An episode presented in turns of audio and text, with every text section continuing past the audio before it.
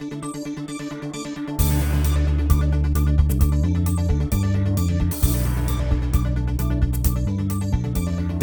tere tulemast kuulama NBA saadet Kuues viga, mis siis on Eesti kõige esimest korda kõige videolikum NBA saade, kõige pildilikum ja kõige suumilikum NBA saade. kõige interaktiivsem. ja, ja täna siis on meil stuudios, kõigepealt ütlen ära stuudios, sina seal kannata pildi peal veel. stuudios on meil Henri Sipra. tervist. siis olen mina, Ardo Kalda ja siis on meil läbi interneti juhtmete ja siis natukene ka õhu on meil Otto-Oliver Olgo. kes see no tervist, tervist, mehed! Ja kuskil Inglismaal on veel Erki ka, aga Erki on Inglismaal lihtsalt no tegeleme me impordiga ja toome ta varsti kohale ja nüüd on ju, ärgem unustagem, et Brexit oli ja, ja ei ole nii väga lihtne. täpselt, et seal peab neid odavaid lende ja kütusehinnad on üleval ja ja siis äh, Otto ka sealt Tartust kohe pakub meile no ma enda õigustuseks ütlen seda, et miks ma siis olen, ei ole stuudios teiega, on lihtsalt see, et äh, vahepealselt siin, siin eelmise saate ja praeguse saate vahel sain teist korda isaks ja seetõttu on vaja natukene olla rohkem kodustega, kui, kui muidu kombeks. ja, et meie õnnitleme ka ikka igal juhul ja saadame tervisi ja õige pea interaktiivselt, siis sa kasvatad äh, podcast'i uusi liikmeid juurde, ühesõnaga ja ma kasvatan ju nüüd äh, naissaatejuhti teile peale, nii et äh, Need sellest, sellest on ju ka puudus. jah, keegi meist peab lahkuma. täpselt nii. aga äkki Otto räägib, millest me täna räägime siis? no võtame ette esmalt päevakajalised sündmused loomulikult ja, ja, ja muideks ütlen ka välja, et äh, see päev, millal me seda saadet salvestame, on viieteistkümnes märts, et kuulajad ka tea, teaksid aga me hakkame rääkima kõigepealt natuke vigastustest, et ja, ja tagasitulekutest, et nimelt siis äh, eile öösel, noh, ehk siis neljateistkümnenda veebruari või tegelikult tänase, tänase päeva varastel hommikutundidel äh, tuli siis Raymond Green tagasi platsile Golden State Warriorsi eest ja loomulikult anti Wizardsile siis niisugune ketukas, et Borzingis ja kõik muud kalad seal Washingtoni särkides ei saanud aru ka, mis, milline tulist pask neid tabas ja ma nägin väga huvitavat eh, statistilist eh, sihukest triviat, et kui Draymond Green oli platsi peal, viskas Curry kolmesaid seitsmest viis ja kui Draymond Greeni, Greeni polnud platsi peal, viskas Curry kolmesaid viiest null. nii et äh, päris huvitav, päris huvitav statistiline sihuke trivia. no tegelikult on ju, kui, kui see rekord tuli Curryl, siis oli ju samamoodi, et äh, et äh, kohe hakati otsima seda statistikat, kui palju sellest on Raymond Greeni ja nagu välja tuli, siis sellest on ikka väga palju Raymond Greeni. ehk siis tema assistidest esiteks ja, ja teine asi, kui palju tema katetest jookseb see mees. et äh, see on päris, päris suur äh, noh, asi, mida, mida Steph Curry saab või ei saa teha, kas Raymond Green on või ei ole Ja no olgem ausad, Warriors vajas Greeni nagu, nagu no eksinud kõrbes eksiv nomaad vajab, vajab vett, et, et see Warriorsi hoog enne nüüd seda Greeni tagasitulekut on olnud viimased noh, mitu nädalat tegelikult niisugune üsna, üsna kesine, olgem ausad. et äh, siin Clay Thompson meil alles otsib iseenda viset, et aeg-ajalt see on olemas, aeg-ajalt seda pole olemas. Jordan Poole on niisugune natuke kõikuvam kui hooaja alguses ja ka Andrew Wiggins on pärast seda allstar nädalavahetust ikkagi päris ära kukkunud no Kuminga ja, ja Pool tahaks natuke esile tõsta, nad on mingi rütmi on jälle hakanud leidma, et samal ajal kui Thompson tuli alla, siis Pool on nagu juurde pannud neid kolmekümneseid mänge näeb jälle, muidugi tal on äh, väga selgelt on pingiminutid, aga, aga näitajad on päris head ja, ja mis siin ka lõi pähe, oli see, et Erki ju meil alati mainib seda Draymond Greeni statistikat, et mees vale juttu ei rääkinud, et sealt see tuleb ikka, see, see võiduseeria nii-öelda no ja teine asi on noh, mis näitab, kuidas neil on läinud. Viimasel ajal, on see, et Memphis on tõusnud läänes teiseks.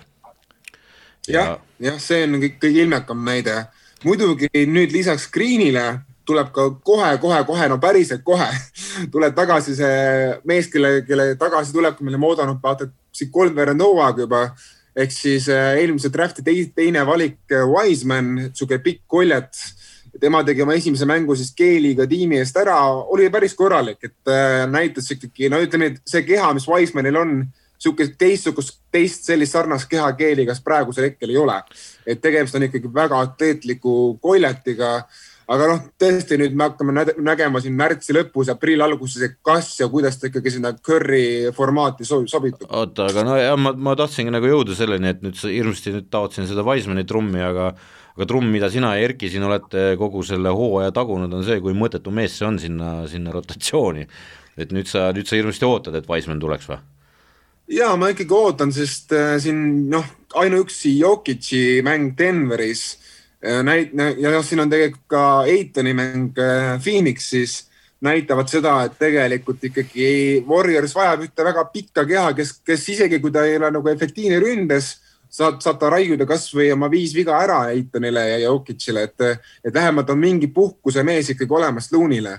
muidu peab Looni ikkagi seal rassima, vaata kolmkümmend, kolmkümmend minutit mängus, mis on Looni jaoks juba päris palju. kas mitte Köör näiteks ei võiks hoopis eeldada, et Looni hakkab pingilt tulema, kui Wiseman terve on? ma seda hästi ei usu, sest on ikkagi tegemas ikkagi vaata eluhooaega praegusel hetkel, et.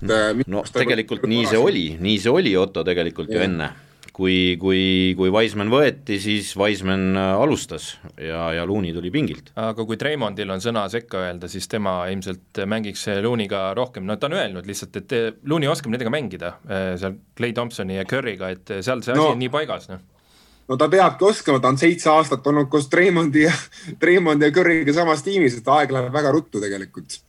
ja et Wiseman peab kõik selle selgeks saama ja võtame ette teise mehe, kes tuli tagasi vigastusest, Kevin Durant. ja no olgem ausad, no ütleme nii, Warriors vajas Treimondit, aga nad said ilma temata hakkama. Nets ilma Durantita oli ikkagi paras, no ütleme nii, et see on niisugune Vene tank T seitsekümmend kaks, mis ei sõida isegi kilomeetrit. et äh, Nets sai ikkagi päris kõvasti tappa, kui, kui Durant puudus. jah siin see on, muidu on see, et seda, seda meeskonda justkui komplekteeris Kairi Irving ja nii edasi, aga olgem ausad, see on Kevin Duranti meeskond tema tõestamiskoht ja, ja numbrid näitavad, et see on tema meeskond. ja siin võib-olla saame seda interaktiivset võimalust ka kasutada, et kui Kevin Durant pani viiskümmend kolm, et kuidas ta näitas oma sellele kaitsemängijale, et vaatame, kas saame selle kaadrisse ka, et niimoodi, et too tiny, too tiny, vaata, et seal kaitse see oli Evan, see oli Evan Fournier, kes sai selle toonte osaliseks, jah. et seal kõik asjad läksid sisse, üle, altpoolt, vasakult, paremalt ja, ja, ja Durant veab seda asja ja nagu sa ütlesid, T seitsekümmend kaks ja kui Durant ei ole, see on nagu peale Javelini tabamust, et seal ikka väga raskelt läheb edasi. nii, aga jah, aga... jah, võtame need analoogiad praegu välja, et lähme, lähme edasi äkki. Lähme edasi, no üks meeskond on päris hästi püsinud tervena kuni nüüd selle märtsikuu alguseni, nimelt siis noh, tegelikult juba võib-olla natuke varasemalt. et vähe sellest, et Chris Paul siin sai oma pöidlavigastuse kätte, millest me rääkisime eelmises saates, siis nüüd on ka vahepeal oli Devin Booker koroonas ja no nüüd ta on tagasi jälle ja Cam Johnson, mees, kes on tegelikult Sunsi pingilt ja vaata, et väga sageli ka starterite ridades olnud ülioluline lüli, on nüüd ka väljas siis reie vigastusega. ja nüüd on tegelikult päris huvitav näha, kuidas, kuidas nüüd Suns kohaneb selle vigastuste lainega, aga pean ütlema, et senised tulemused peegeldavad seda, et ega nad, ega nad hätta ei jää. lihtsalt on natuke rohkem siukseid nii-öelda üllatuskaotusi. jah, on, on nii-öelda tööõnnetusi on olnud neil ja ja järjest on olnud siin vahepeal, et, äh, et nüüd muidugi on see koht, kus see noh, see pink kaob, noh, läheb, see läheb ikka väga lühikeseks seal, see lugu juba, et äh, Cam Johnson on, on nagu ülioluline energiamängija pingi pealt tegelikult, kui mõtled nii, et neil tuleb äh, noh, kui seda eelmise aasta näiteks algviisiku paned paika enda jaoks ja, ja mis sealt tuleb, on ju, noh, esimene laine, pauh, Cam Johnson tuleb sisse, eks annab sealt äh, kaks-kolm-nelja peale, annab puhkuse. ja kui seda nüüd järsku praegu ei ole, siis kes veab teist lainet?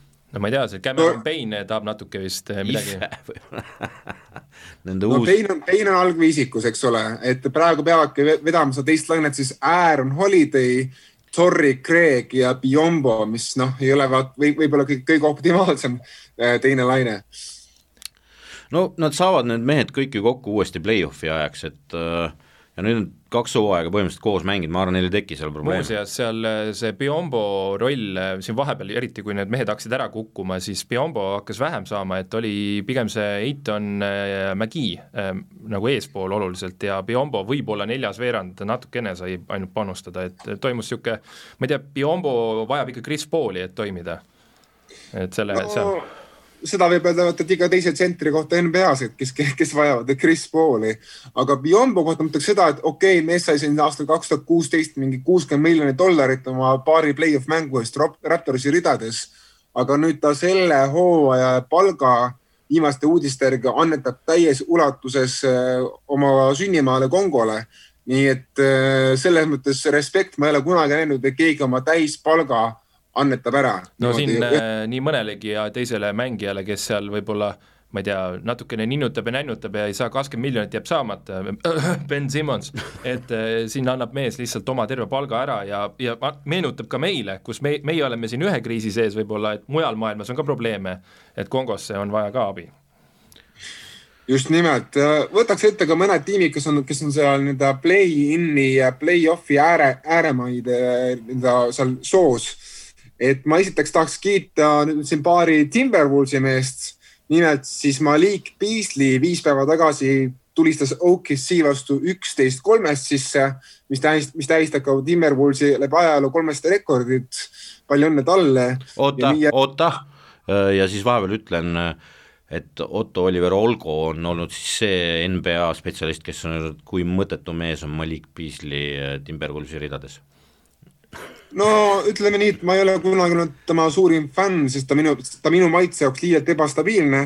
aga ta, temas on nagu see oskus olemas, et igal suvalisel õhtul mõnikord anda kolmkümmend punkti, et selles mõttes see on tal alati olnud oota, kas tema oli ka see mees, kes selle Larsa Pippeniga siin vahepeal jändas või? et ta, tal on natuke, tal on see Tristan Thompsoni geen on ka natukene olemas, et sa ei suuda no, tal... ühtegi saadet nagu lasta mööda ilma Tristan Thompsoni seksinurgata nagu see on hea no, ta ta on ka see, ta on ka see mees, kes peab siin täitma pärast hooaja lõppu ühiskondlikku kasulikku tööd, nii et eh, tal on, tal on veel niisugused kriminaalsed värgid ka taustal tiksumas.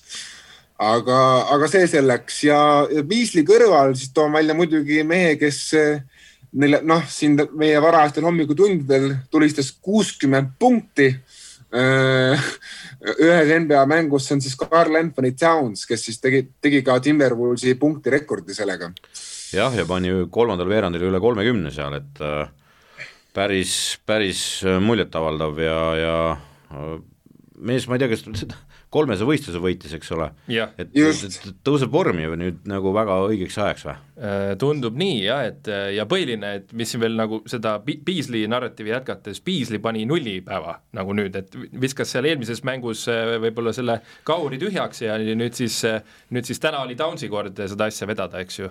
ja Spursi vastu vist, kui ma ei eksi, oli see. Spurs oli see jah. et vaene jah, ja eriti, eriti valus vastane, kes tegelikult väga, väga tahab sinna play-in'i ja vähemalt jõuda täpselt nii, et äh, siin, kui ma nagu korraks hüppaks selle tabeli peale ka, siis äh, tänase seisuga noh, Timberwolves ikka jätkuvalt neljakümne võidu, kolmekümne kaotuse peal seal äh, joone all, et äh, tegelikult ei ole Denver neile ütleme, pooleteist mängu kaugusel ja Spursi puhul, et nüüd ta sai tappa, nüüd ta kukkus jälle kaheteistkümnendaks ja tema ees on nüüd jälle see Portland ja seal käib äh, käib nagu see nii-öelda vägikaikav edu, et äh, Pelicans ju samal, samal ajal on saanud kümnendale kohale, et äh, siin on vahepeal juhtunud ju küll ja veel. nojah, ma vaatasin selle ka üle, Pelicans äh, hakkab tõusma Lakersile kanna peale ja sealt tõenäoliselt ka mööda pressima et no Pelicansil on hooaja lõpuni lihtsuselt viies nii-öelda kalender, Lakersil on umbes kahekümne seitsmes või kahekümne kaheksas, et tal on, Lakersil on väga raske siin hooaja lõpp.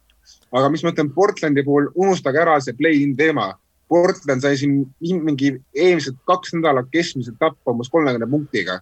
et see, see meeskond on pärast allstar break'i ikkagi nad tegelikult, tegelikult loobunud sellest play-in koha jahtimisest. Nad tahavad oma piki kätte saada?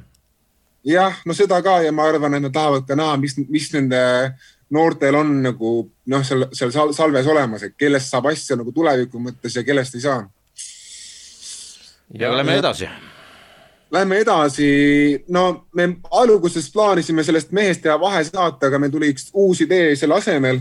aga peame ikkagi ära mainima selle, et Greg Popovitšist sai siis San Antonio Spursi ridades äh, NBA läbi aegade võitvaim peatreener, seda nii play-off'ide kui ka põhihooaja arvestuses ja kõik ja kõigi mängude arvestuses ja olgem ausad, see oli päris ilus õhtu, mis sest, et see, see sümboolne võit tuli minu lemmiktiimi Utah Jazzi üle, et, et minu kiitus Popovitšile, minu kiitus Dejounte Murray'le, kes, kes veab seda Spursi uut generatsiooni ja loomulikult suur kiitus Tim Duncanile, kes vedas kogu seda vankrit kakskümnendit ja nüüd Greg Popovitšil on üksi rohkem võite kui seal viiel-kuuel tiimil läbi ajaloo, nii et ja need ei ole nagu tundmatud tiimid, et noh, mitte et NBA-s neid oleks, aga seal vist oli Orlando, Minnesota Timberwolves ja niisugused nimed olid. Memphis. Memphis, et mm. Memphis praegu teisel kohal, eks ju.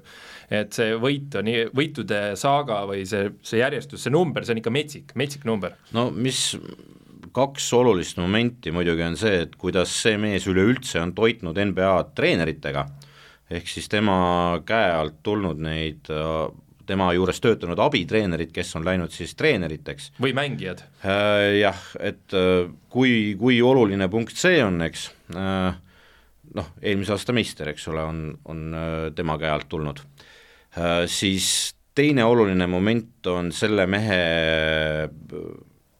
noh, sõnavõtud ühiskonna üleüldises, üleüldistel teemadel äh, Äh, NBA teemadel suuremas pildis, äh, ta ei karda ei unti ega tonti, äh, ütleb oma asjad alati ära ja ütleb üsna asjalikud asjad ja tema arvamus loeb, see on nagu kõige olulisem, kuna teda austatakse nii meeletult, siis noh, enamus hoiavad oma suu kinni mingisugustel teemadel, mina ei räägi või mis iganes, siis Popovitš on läbi aegade suutnud kaamera ees öelda kõik asjad nii ära, nagu peab ja, ja inimesed respektivad seda, inimesed ei äh, noh, ta ei saa trahvi, ühesõnaga.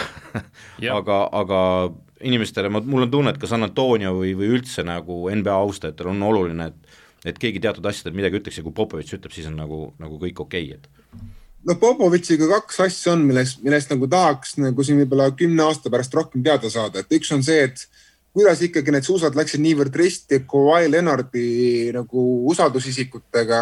Lennart, Lennartist ju pidi tulema tegelikult Tim Duncani nii-öelda mantlipärija mitmeteks aastateks San Antonios. ja teine asi, mis on nagu natuke imelik Popovitši puhul on see, kuidas Popovitš selle USA koondisega nagu on kuidagi olnud kuidagi hästi ebaleva tasemega, et nii kaks tuhat neli me mäletame, kui Popovitš juhtis seda satsi ja noh, seal oli muidugi väga palju muresid ja tegelikult ka viimased olümpiad ja MM-id, kus on Popovitš tegelikult olnud püsti hädas äh, rahvusvahelisel tasemel oma, oma meestega. et need on kaks asja, mille, mille puhul nagu tahaks rohkem teada, mis seal nagu peidus oli.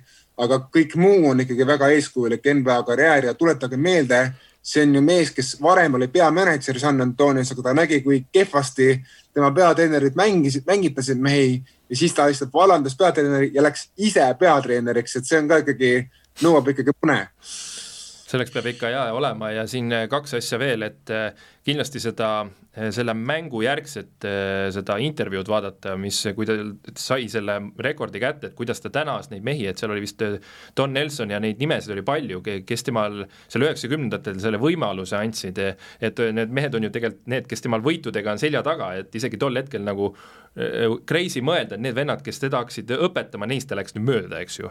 ja, ja üldse see USA tiimi teema ka, et ju seal ka Steve Kerr võtab üle, kes on, oli ka ju Popovitši kasvandik tegelikult osaliselt, et.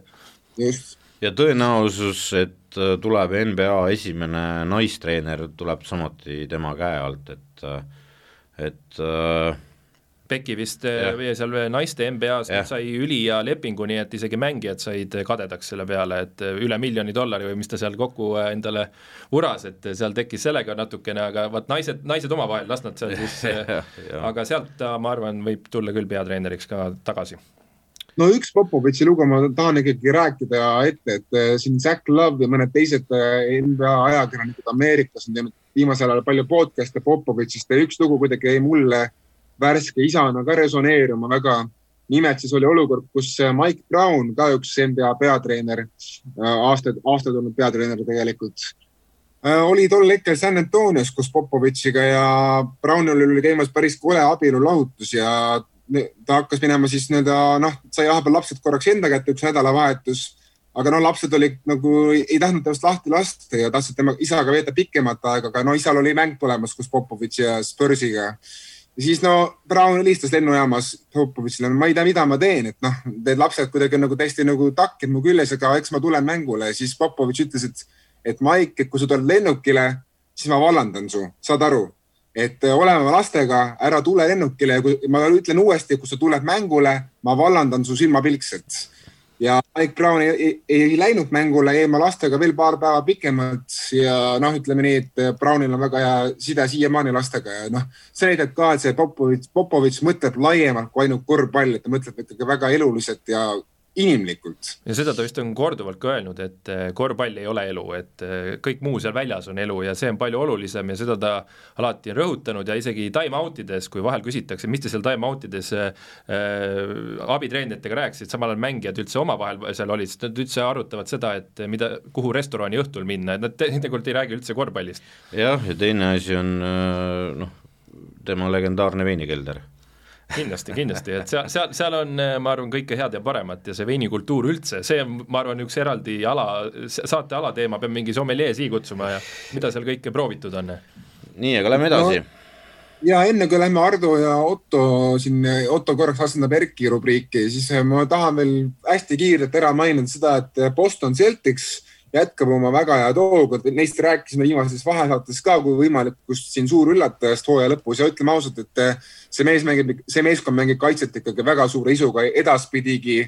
Ja ei ole mingit märki näha, et nad peatuks. Ja tegelikult ei ole nad üldse kaugel ka ida teisest ja kolmandast aset, asetusest. seal on jah, väga tihedalt koos ja, ja võimalused on kõigil seal kuni teise kohani nagu välja vahetada ennast. Ja seda nagu lähimängude jooksul Miami on, on nagu sort of nädalate kaugusel, et äh, arvestades nende minekut ka muidugi, et siis äh, noh, Miami on raske, aga, aga mitte teostamatu.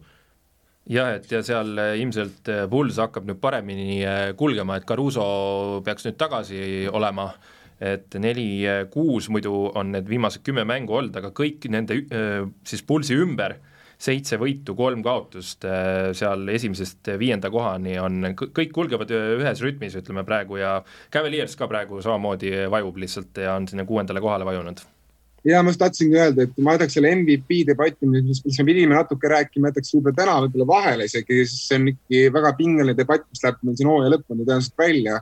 aga meil jäi mainimata ka see, et meie kahe saate vahel on saanud viga Jared Allan, kes on ju väga oluline Cavaliersi ankur kaitses äh, koos Evan Mobley'ga ja nüüd on näha, et tegelikult Cavs ilma Allanita on ikkagi nüüd juba hakkab logisema küll see vankur, et äh, Mobley ja Garland kahekesi vedada.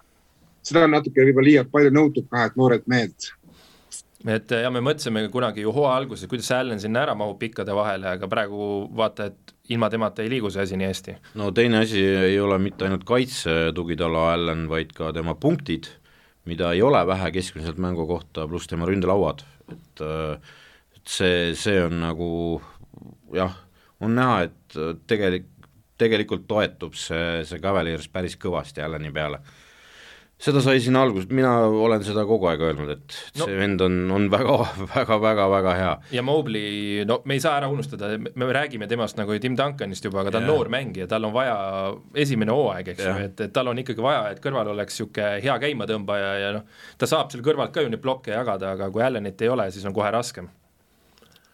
ja Ardo, lähme sinu rubriikide ei, ma on... ladies first, hakka pihta okei okay., äh, ma natuke siin juba Henriga siis, kui tegid suitsupausi, rääkisin, et äh, enne Allstar nädalavahetust viskas äh, keskmiselt üle kahekümne nelja punkti vaid kolmteist meest, pärast Allstar nädalavahetust kakskümmend kolm meest. ja nüüd teine küsimus teil, teile mehed, kes te olete stuudios. mis te arvate, palju mehi viskas enne Allstar nädalavahetust keskmiselt üle kolmekümne punkti mängust? ma ei tea, viis oota, enne või? jah. enne All-Star nädalavahetust, keegi ei visanud?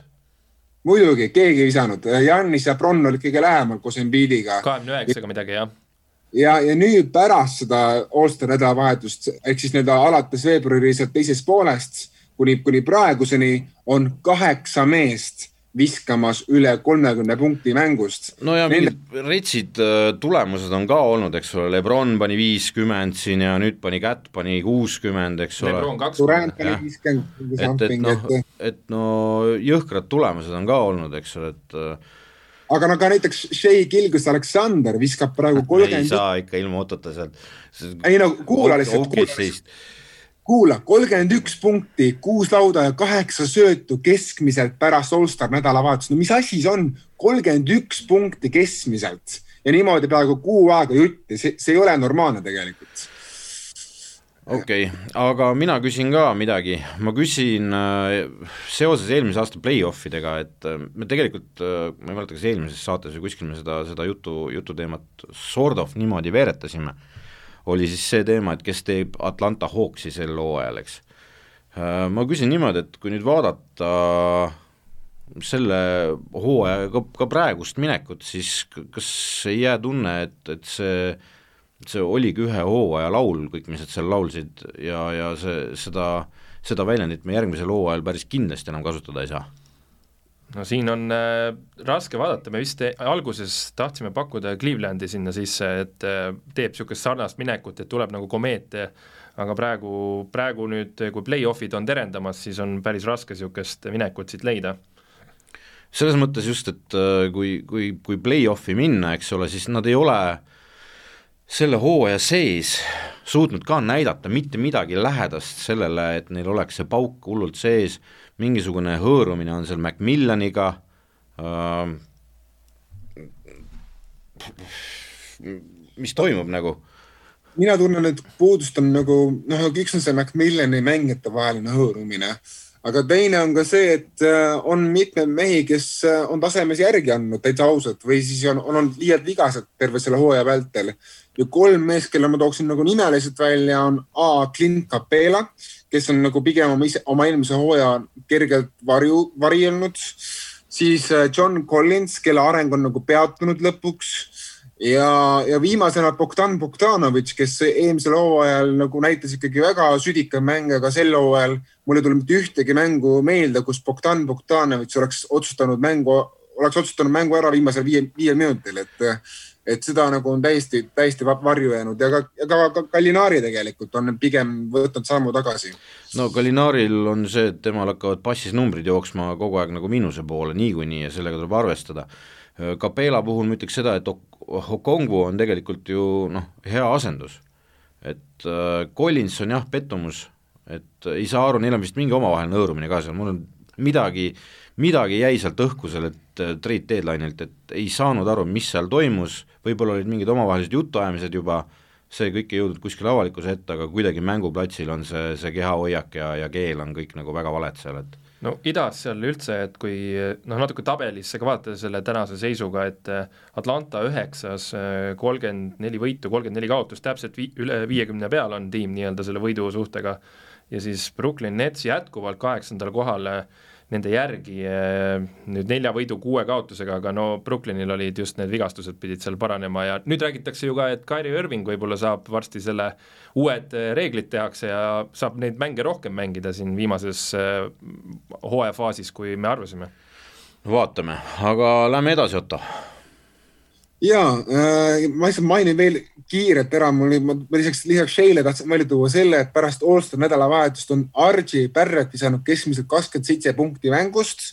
Kyle Kuusma keskmiselt kakskümmend kuus punkti mängust ja kes siin veel oli minu jaoks natuke üllatav, Keldon Johnson visanud kakskümmend punkti mängust ja sealjuures kolmesed nelikümmend üks protsenti, keskmiselt viis kolmesaja katset mängus, et siin päris mitu noort, noort mängijat, okei okay,, Kuusma kakskümmend kuus aga päris mitu noort mängijat on tegemas niisugust nagu hüpet äh, uuele, uuele tasemele, tahaks ükski loota. vaatame, kas see peab, peab, peab ka paika ja muideks, mis te arvate, kes on parim kaitsetiim pärast Allstar nädalavahetust, see on ka väga huvitav küsimus äh,. kas Boston või Tallas või? ei nad, ole. Nad, nad, nad on eesotsas muidugi mõlemad kindlasti. jah, Boston on teisel kohal, Tallas on ka top viies, parim kaitsetiim pärast nädalat on Orlando Magic no nende Orlando Magic tänaseks päevaks on ju esimene meeskond, kes kindlasti jääb play-off idest välja või? Detroitiga, Detroit ka. ja, ja Phoenix Suns on kindlalt play-off'is sees, seda me teame ka juba. jah, aga selles mõttes kiitus Mo Bambale ja Wendell Carter Jr.-ile, kes on praegu ajutiselt ikkagi Magicu kaitse tõstnud päris stratosfääri. nii, aga lähme edasi OpTibeti rubriigi juurde Henri, kas sul on uudised OpTibeti rindelt? No news from me, rääkige teie rahamagnaadid. palju sul on raha mul on need pikad panused ja ma ei ole seal mitte midagi muutunud, mina tahaks väga, et Spurs jõuaks äh, sinna play-off'i, mida ta ilmselt ei tee siin peab mingisuguseid imesid juhtuma, me siin vahepeal isegi ju rääkisime, mehed ütlesid, äkki tuleb ära, aga see on väga keeruline. ja edasi on siis seal tiitlipretendendid Paks, Golden State ja ja vist võtsin ka igaks juhuks kunagi ühe halva tiimi, kes kunagi ei võida nagu Lakers. Okei okay,, mul on, äh, tamm on sama koha peal, ehk siis ma olen seal kuuekümne euro all, võidud, kaotused, võidud, kaotused ja, ja nii ta läheb. Ja siis äh, meie suur ja, rahamagnaat, äh, tema kogub siis selle suure nutsu ukrainlastele ilmselt siis, kuhu see ikka läheb? ei, selles mõttes, et nüüd pane see Siberi pilt et äh, taustaks on Siberi rahaboss jaa, pane, sulle peaks jah selle hea tausta otsima no Tartus sünnivad ikkagi head mõttes, aga, aga mul on jah, siin, olen kasvatanud oma portfelli siin seitsmesaja euro peale vahepeal. olen, olen siin panustanud väga aktiivselt Lakersi mängude vastu ja see on olnud pigem, pigem nagu hea strateegia. järgmine hooaeg on..., anname tema oma summad talle lihtsalt. tahaks lihtsalt kõik oma raha nagu talle anda, ta on nagu sajast seitsesada teinud siin kui, kui, kui kähku nagu. Nojah, aga vaata, kui ongi mingi viis venda panna kokku ja siis üks nagu toimetab ja äkki, ma ei tea, kuskilt tuleb veel, siis äh, ük, üks on geenius alati noh, ja siis praegu on see Otto noh. Ma kardan, et Ottol muidugi on see, et äh, tal lähebki kogu sissetuleku tegemine pärast OpTibeti ja kui ta avastab hooaja lõpus, kui palju sealt sai nagu. No ma olen öelnud varem ka, et ma ikkagi tahan seda play-off'i teha põnevaks ja, ja eks, eks näis, mis, mis sellest nagu tuleb ja kas tuleb paar tuhat või tuleb noh ümmargune null aga, aga, aga selles mõttes ma ei, ma ei kavatse sellest plaanist taganeda ja see raha ei lähe ikkagi ukrainlastele. see raha läheb mingile tegevusele, mida me veel otsustame koos produtsendi Siim Semiskariga. kui, kui sealt tuleb raha, eks näis, et võib-olla Siim peab üksi seda raha kantima lõpuks. ja Siim ka ju vaikselt seal meil nokitseb taustal, ega ei teagi, mis ta seal toimub, vaata äkki ta on ka juba rahabossiks hakanud vahepeal. jah, aga no mis tema NBA-s teab selles mõttes, et lähme, jah, lähme edasi nii, ma tahtsin tuua siis äh, siukseks sae teemaks ja me oleme sellest ikkagi siin omavahelises Messengeri chatis ikkagi päris palju nagu saaginud seda, noh, suuresti küll minu, minu initsiatiivil. aga, aga Utah Jazzi seis kogu see hooaeg on olnud ikkagi, ikka on, on, on olnud niisugune väga ligadi-logadi kuidagi kahetisi emotsioone tekitav seis, sest kui sa vaatad nagu võitudele, kaotustele otsa, siis tegelikult pole põhjust mitte midagi häbeneda ollakse samal pulgal koos, koos Paxi, Sixersi ja teiste idakõvade tiimidega. aga samas kogu see nagu mängupilt ja kuidagi need vigastused ja koroonad ja kuidagi sihuke üldine kehakeel platsil annab justkui viite, et, et see ei ole nagu ikkagi võrreldav päris Paxi ja Sixersiga et äh, ma siin... ei võrdleks neid, kõigepealt sa võrdled neid valede meeskondadega minu arust üldse, sest et tegu on lääne meeskonnaga ja kui sa tahad seise näha, siis vaata ikkagi otsa meeskondadele, kellel on samasugune graafik ja nad mängivad samasuguste meeskondade vastu, et sa praegu võrdled võitude-kaotude suhet äh, idaga ja see ei ole õige, ma arvan, et läänega tuleb vaadata, seal on nad praegu meil kus, nad on neljandal kohal jah, jah, neljandal kohal on äh, Jazz. aga, aga Hendri, kui palju sa usud sellesse, et, äh, et äh, Jazz jõuab play-off'is nagu kaugele äh,? Neljas ma..., ehk siis nad lähevad kokku praegu tõenäoliselt kas Tallas Mavericksi või Denver Nuggetsiga esimeses ringis juba jah, seal sinna kisub, sest et äh, Golden State, Memphis ja Suns on täielikult eest ära, no seal on mingid variandid, aga need vahe on seal viis, viis või isegi rohkem mängu ja no Jazziga on natuke see, et ma ütlen, et nad ju eelmine hooaeg võitsid põhihooaja.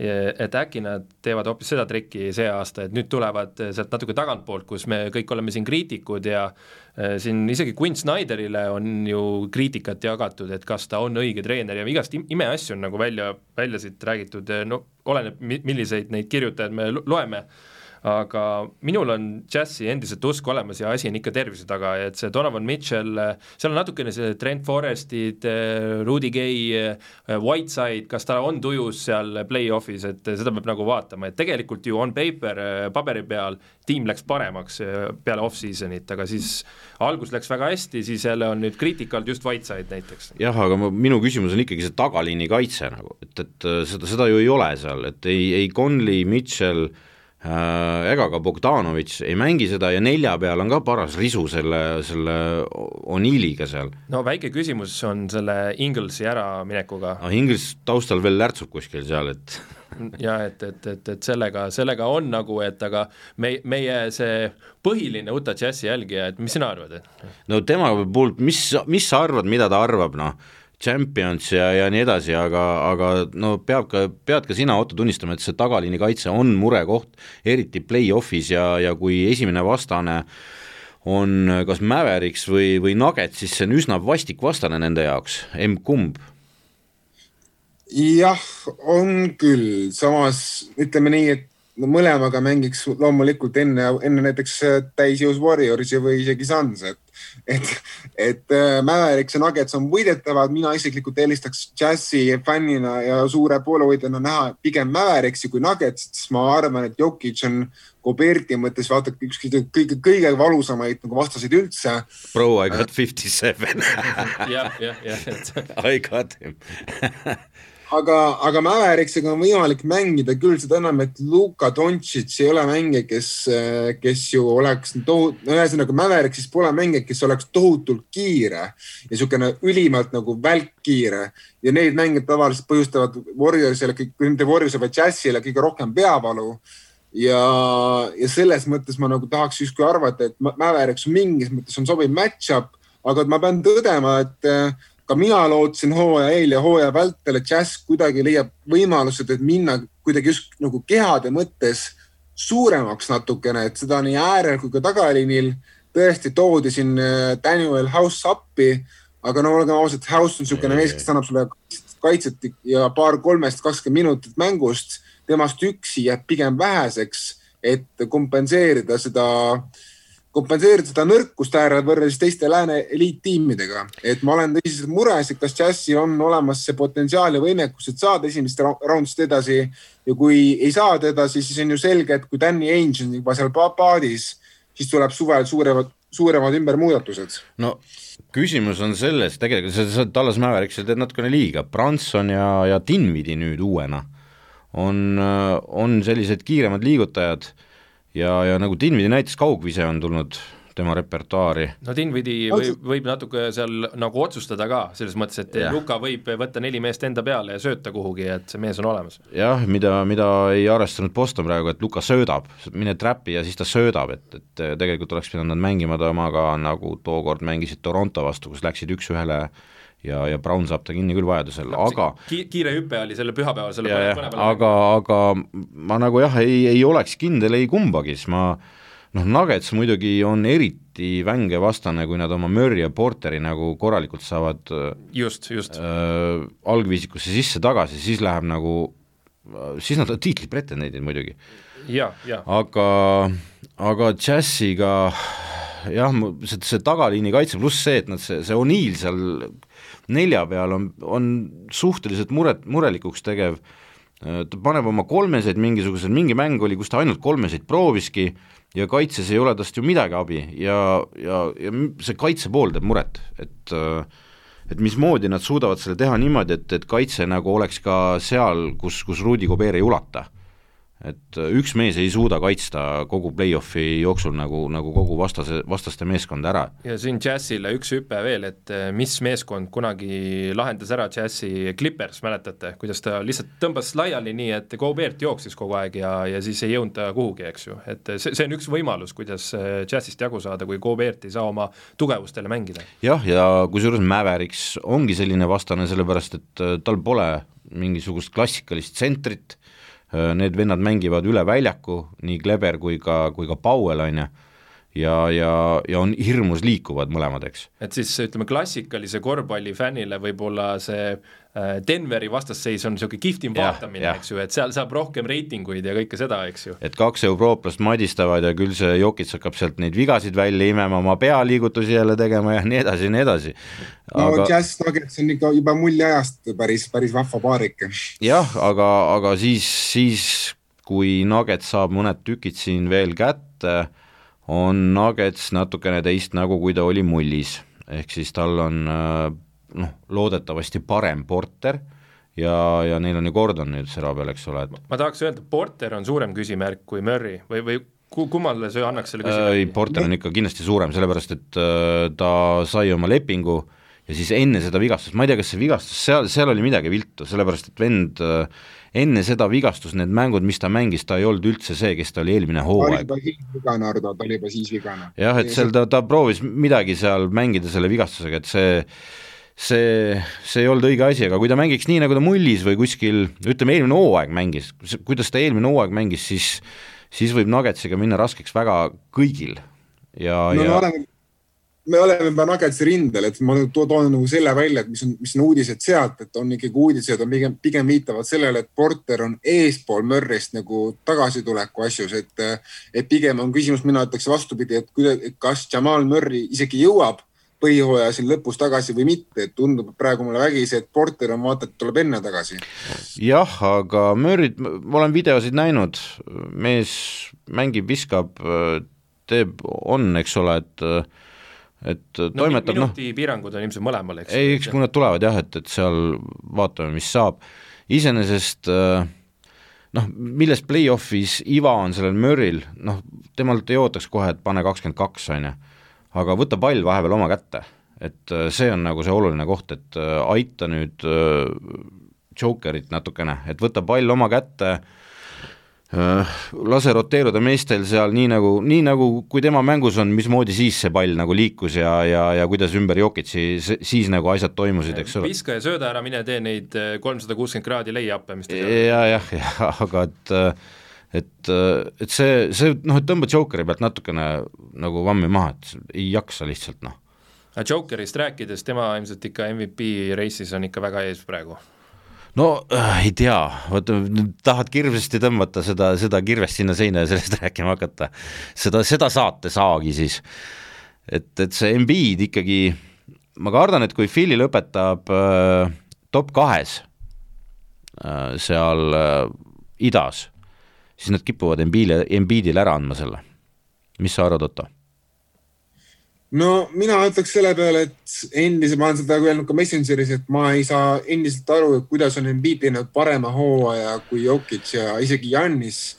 kui kõik, kui kõik eelmised, kui kõik numbrid viitavad, et sel hooajal on, on Embiid alla jäänud tasemelt oma eelmise hooajale. Jokic sama vastu, see, seevastu üle teinud oma eelmise hooaja, kus ta oli MVP ja samamoodi ka Jannis tegelikult on olnud mõlemal pool platsi efektiivsem mängija kui Embiid. et ma, ma ütlen ausalt, et ma praegusel hetkel enam ei mõista seda Embiidi MVP kampaaniat, ma mõistsin seda varem aga ma olen hakanud selles usku kaotama, sest ma näen, kui hästi mängivad Jokic ja Jannis. jah, aga sa pead tunnistama, et viimati, kui sai äh, esikolmikust väljapool olev äh, embas kummas konverentsis äh, meeskonnas keegi MVP oli Steve Nashi ajal vist veel või?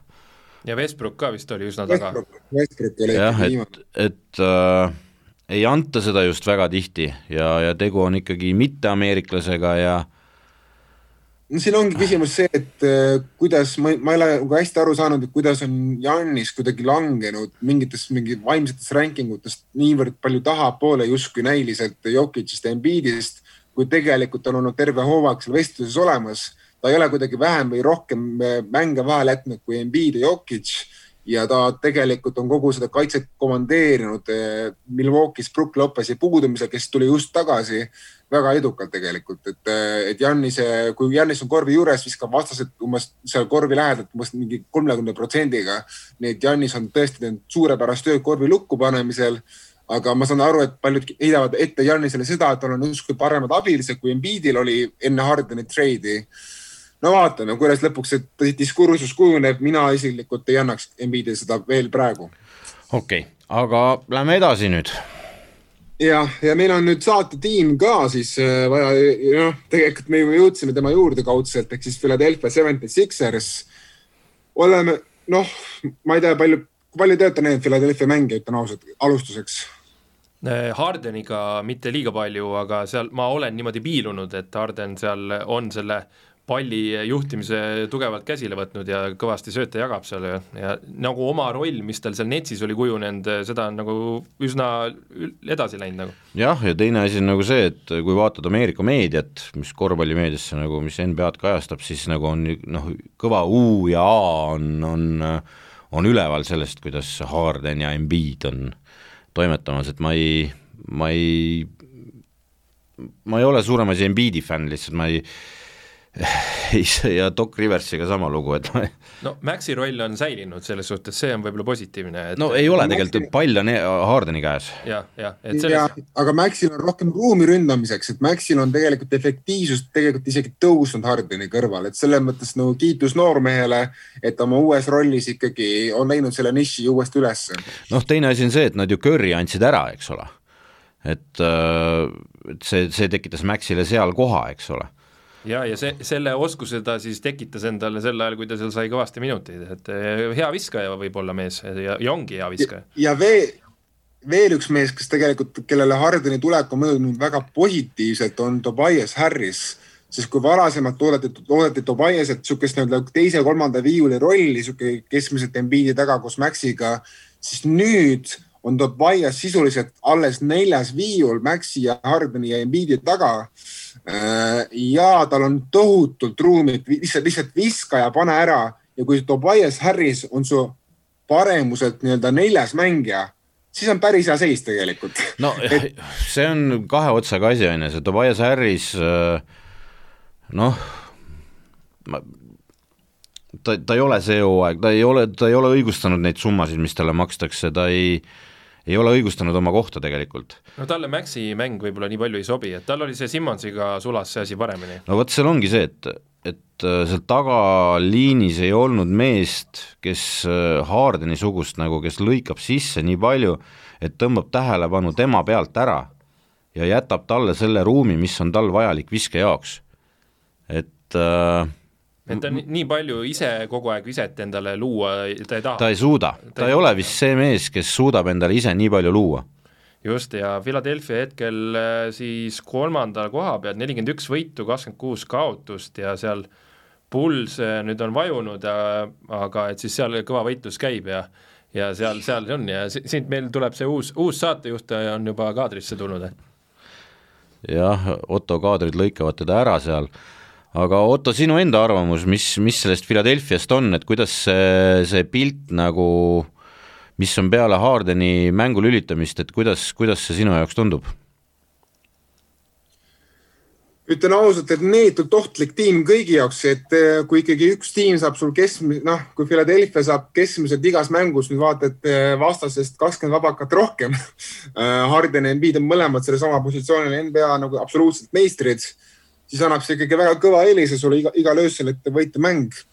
ja no loomulikult on see nii-öelda teinud mängupildi palju aeglasemaks, mis, sobib väga hästi Hardenile, tegelikult, tegelikult ka Embiidile.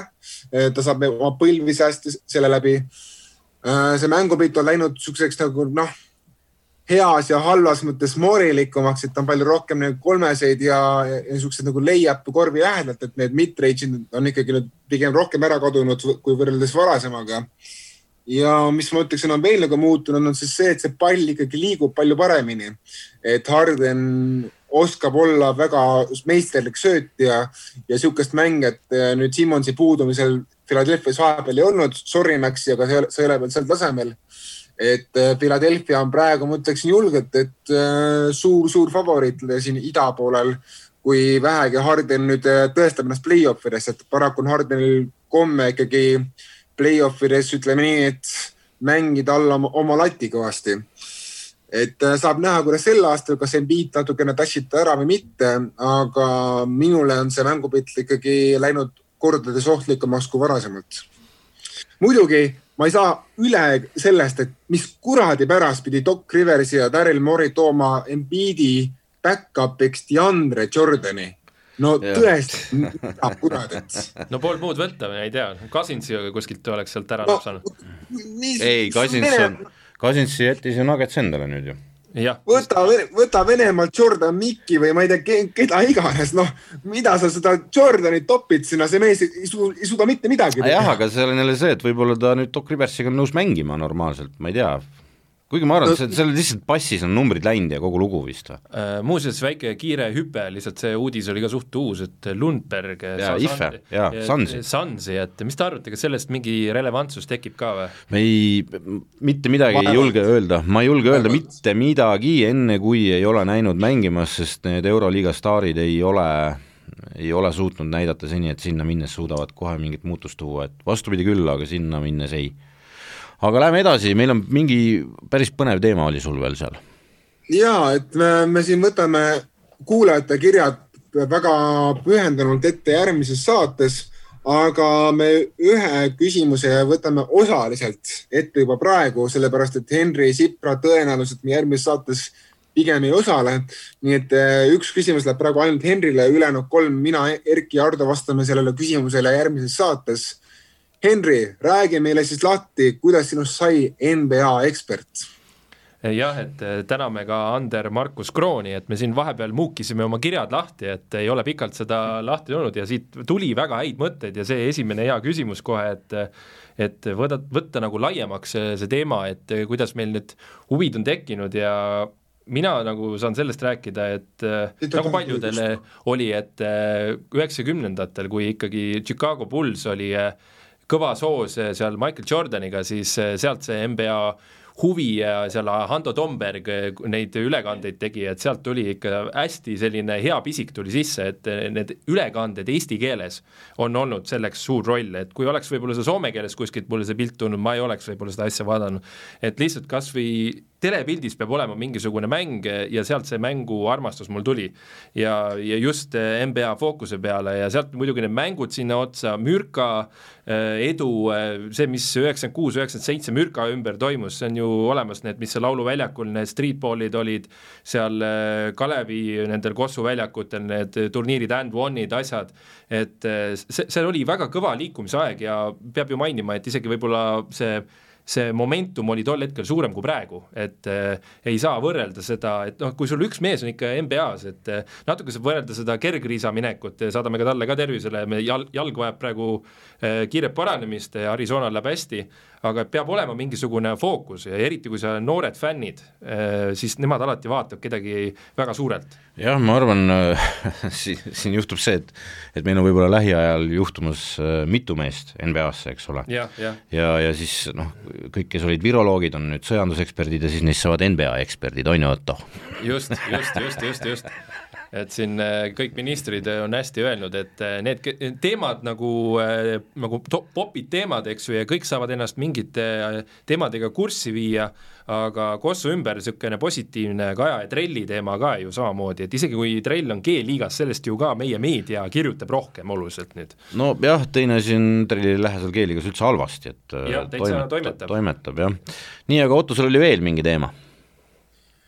Et oli, ega ma natuke no ikka võta, no võta, no Eesti teema peab olema ju okei okay,, ma tahtsin korraks pinnida veel Henrit sellel teemal, aga hea küll, las ta praegu jäta Henri rahule.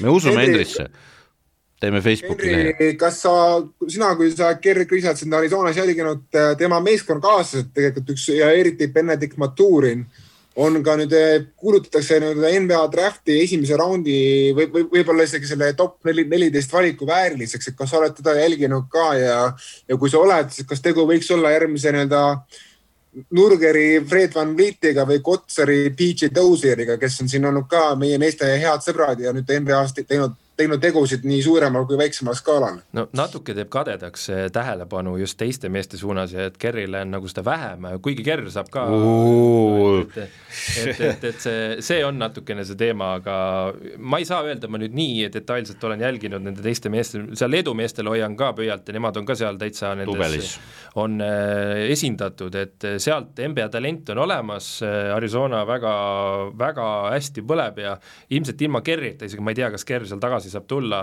Nad võivad ikka seal mingeid tegusid teha, aga Kerr muidugi oli suur, suur, suur nurgakivi selles kogu selles pusles jah, ma ei, Beach Dozier küll nüüd mingi hea näide ei olnud tegelikult on, sest olgem ausad, tege-, tegemist oli undrafted mehega, kes, kellest keegi midagi, kes tegelikult suures pildis ei oot-, ei oodanud ega lootnud. Tornelist oodati rohkem ja tüüp, tüüp on ikkagi ise kolme aastaga, nelja aastaga siin ennast ehitanud üles kaitsespetsialistiks, keda Nuggets ikkagi usaldas juba vaata et kakskümmend minutit mängust ja Nuggets ei ole mitte nõrk tiim. et selles mõttes Dozierile väga, väga suur kiitus. ja seal Dozieri äh, tervisest rääkides, kas seal on mingisugust tausta, ma mõtlen, et kas Dozier ju ka endiselt väljas või? ja Dozieril on paraku põleristatuse taimed katki ja ta ei tule tagasi enne järgmise hooaja keskpaika kuulge, aga ma arvan, et oli vahva saade, mehed ja mul poeg juba ütleb, et peame, peame minema õue. nii et eh, mina ütlen siit omalt poolt praegu vist head aega, lasen teil veel paar minutit vestelda. Millest sa vestelda tahad, Henri? no võtame selle lõpusõnad kokku ja, ja võib-olla arutleme veel seda teemat, mis siin nagu jäi õhku, vaata, et NBA see eksperdi teema, et et võib-olla lasemegi siis Otto, Otto sinna välja minna ja järgmiste kordadeni, esimene kord interaktiivselt ikkagi, et niimoodi vaatame, kus välja tuleb, eks. ja, ja, jah, räägime siin ja pärast on ainult helifail ja, ja ei ole kuskil midagi üle just, just, aitäh Otto! aitäh, tšau! tšau! Ja et siia saate lõppu, et võib-olla see noh, natukene ka seda teemat eh, soojenduseks sulle, et eh, sinu NBA taust ka, et ma olen sinuga rääkinud nagu kaadriväliselt, et sina oled hästi palju ka USA-s ju reisinud, eks ju.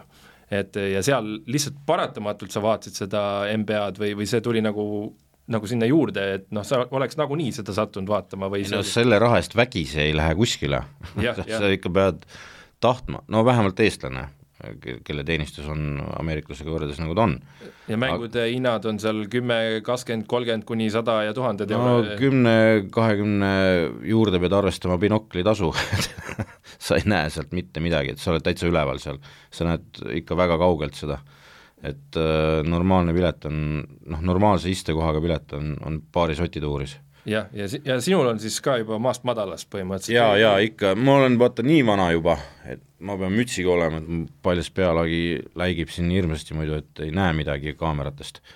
aga äh, siin on nagu see koht, et mina vaatasin äh, äh, NBA-d, esimest korda nägin ma mingisugusest Vene televisioonist seda seda näitas enne multifilmi. see oli Kes televisioonist vist oli või? see on jah, kas, see oli selle kahe pealt, ma mäletan, et see oli äh, selle kahe pealt ja äh, sellega oli mingi selline asi, et äh, seda näidati ühte mingit mängu enne seda pikka Disney multikat, ma mäletan ja, ja sealt sai seda, seda vaadatud, sest et kuna seda Disney multikat pidi hirmsasti ootama nagu, siis, siis pidi vaatama kas või seda korvpalli enne ära, et keegi sa, sa ootasid tegelikult seda multikat, jah? tegelikult ootasin seda multikat, aga ma vaatasin korvpalli ja ma mäletan sealt, et mina nägin siis veel nagu täitsa Larry Birdi ja, ja Johnsonit omavahel madistamas.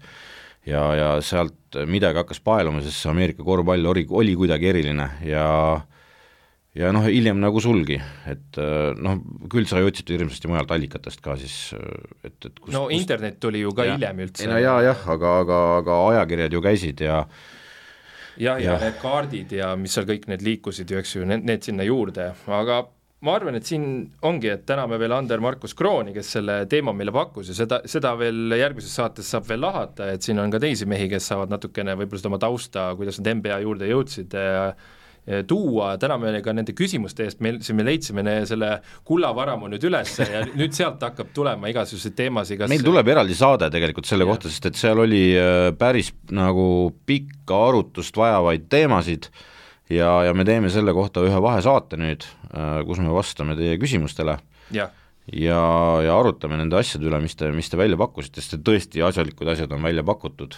ja et kuues viga, et gmail.com jätkuvalt sinna võite panna ja käime järjest rohkem vaatamas ja analüüsime, võtame, mine sa tea, võib-olla leiame sealt eh, võib-olla saatekülalisi ka, kuna, sest meil on ka külaliste rubriik on täitsa mõttes kuklas käimas. jah ja., mingisugused jutud on olnud omavahel mingisuguste inimestega juba, nimesid ei ütle igaks nimesid ei ütle, aga täitsa, täitsa põnevad eh, persoonid, ütleme nii. jah, aga nüüd siis vaatame sinna suurde plaani ja eh, lehva-lehva. lehva-lehva